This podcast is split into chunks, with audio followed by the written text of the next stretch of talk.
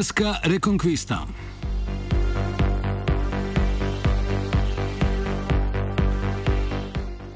Avstrijska medijska družba Styria je kupila manjšinska deleža v družbah Phoenix, ki upravlja spletnim časopisom Žurnal 24 in Over.net, ki upravlja z največjim slovenskim spletnim forumom med.over.net. Od zdaj naprej ga bomo brali sam med.over.net, katele pike mi gre na jedra. Ok, gremo dalje. Neuradno gre za 35-odstotni delež žurnala 24 in 25-odstotni delež portala Med.over.net. V izjavi za javnost so napovedali, da bodo v dobi treh let prevzeli večinski delež obeh podjetij. Stirians si med drugim lasti tudi portala boha.si in moje delo.si, zato bi po večinskem prevzemu imela vodilno vlogo pri upravljanju slovenskih spletnih platform. Žurnal 24 in Medovernet je v zadnjem letu skupaj obiskala skoraj 800 tisoč uporabnikov ali več kot 60 odstotkov slovenskih uporabnikov interneta.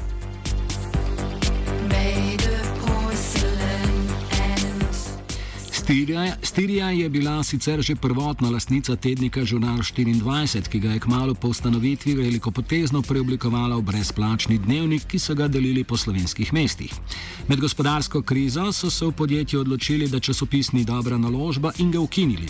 Skupina novinarjev, ki je delala na časopisu, se je takrat odločila, da bo z izdajanjem časopisa nadaljevala v spletni obliki, zato so ustanovili podjetje Phoenix Media, ki je od takrat izdaja spletno različico časopisa. Blagovna znamka Žurnal, Žurnal 24 je sicer še vedno v lasti Stirije, zato za njo novinari, ki so večinski lastniki novega podjetja, plačujejo licenčnino. Stirijan se tako po enem desetletju vrača k lastni neuspeli naložbi. O zgodovini razmerja med Stirijo in žurnalom 24, glavni urednik žurnala Matej Košir.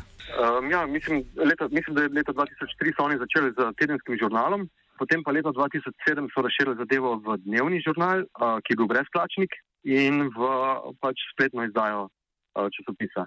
Zadeva je bila zelo široko zastavljena, 130 tisoč naklade od začetka uh, dnevnika, potem je prišla kriza uh, in model se ni izkazal za uspešnega in so zadevo 2014 ukinili likvidirali zadevo, torej poravnali vse obveznosti. Mislim, da tri mesece kasneje smo mi pač, ko smo zaključili vse pogovore ostale, smo novinari prevzeli spletni del žurnala 24. Oni so uh, lastniki brenda in mi smo takrat, ko smo ustanovili svojo firmo, samo najeli pri njih brend, torej licenco. Torej, brend, za katerega smo že skupaj delali. To je petletna pogodba, ki se izteče drugo leto, julija, se izteče ta pogodba in bi lahko naredili pač praktično, kar bi želeli. Ampak uh, od samega začetka je bilo jasno, da brez ekipe uh, sam brand ne pomeni nič. Ne. O pričakovanih spremembah pa pravi.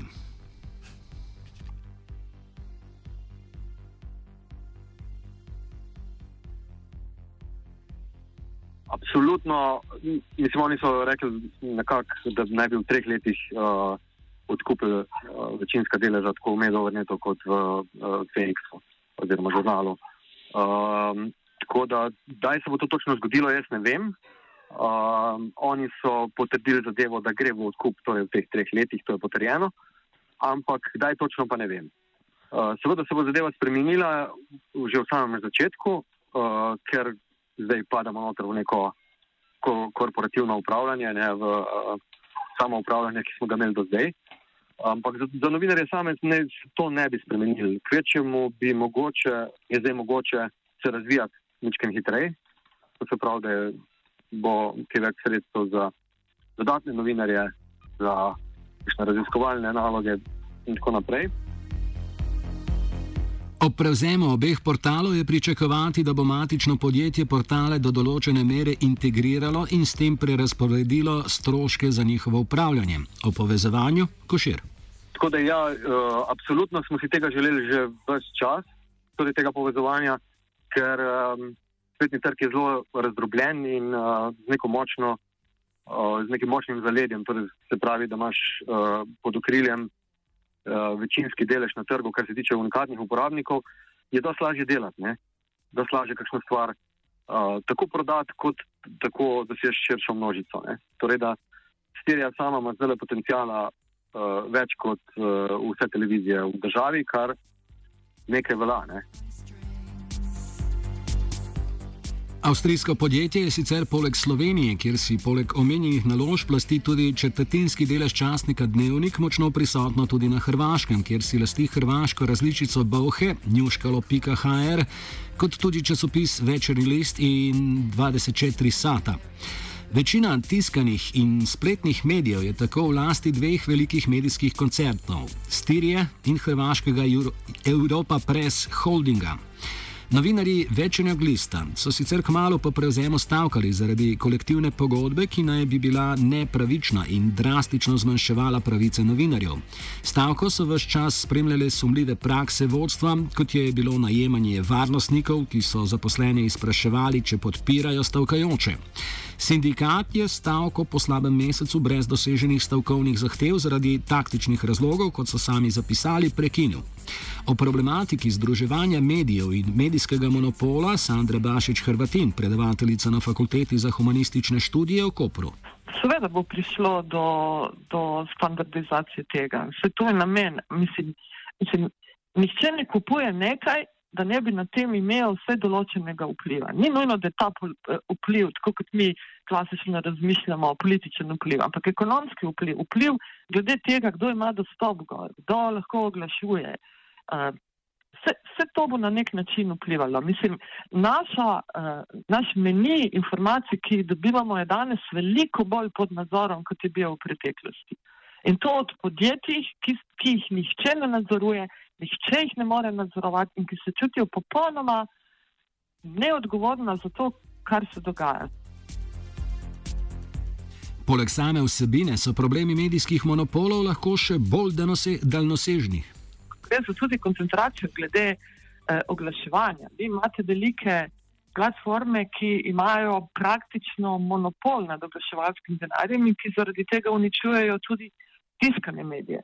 Zdaj, zakaj se varuh konkurence s tem ne ukvarja? Zaradi tega, ker se pri nas številne ustanove naj bi se morale ukvarjati, nihče se pa ne ukvarja in potem se stvari pustijo, da grejo po nekem svojem toku in potem čez nekaj let, ko postane problem, se zadeva samo z novimi zakoni eh, legalizira. Zdaj, mi smo država, ki v bistvu nima medijskega sistema, ampak ima en skupek anomalij, ki se tu pa tam obnaša kot sistem. In mi smo država, ki nima medijske strategije in medijske politike, razen tega, da se občasno legalizirajo zadeve, ki so se zgodile na trgu. Tako da, mislim, kdorkoli bi hotel zdaj se ukvarjati s to zadevo, bo moral najprej temeljito premisliti, kaj je potrebno in kako regulirati. Na drugi strani pa imate veliko tistih, ki kar v kar ne morejo razumeti, da tudi ti, te platforme, ki so sicer bolj podobne telekomunikacijskim podjetjem, danes upravljajo medijsko funkcijo in da to ni nobeno omejevanje svobode izražanja, če postaviš določena pravila delovanja, ki veljajo tudi za druge oblike medijev.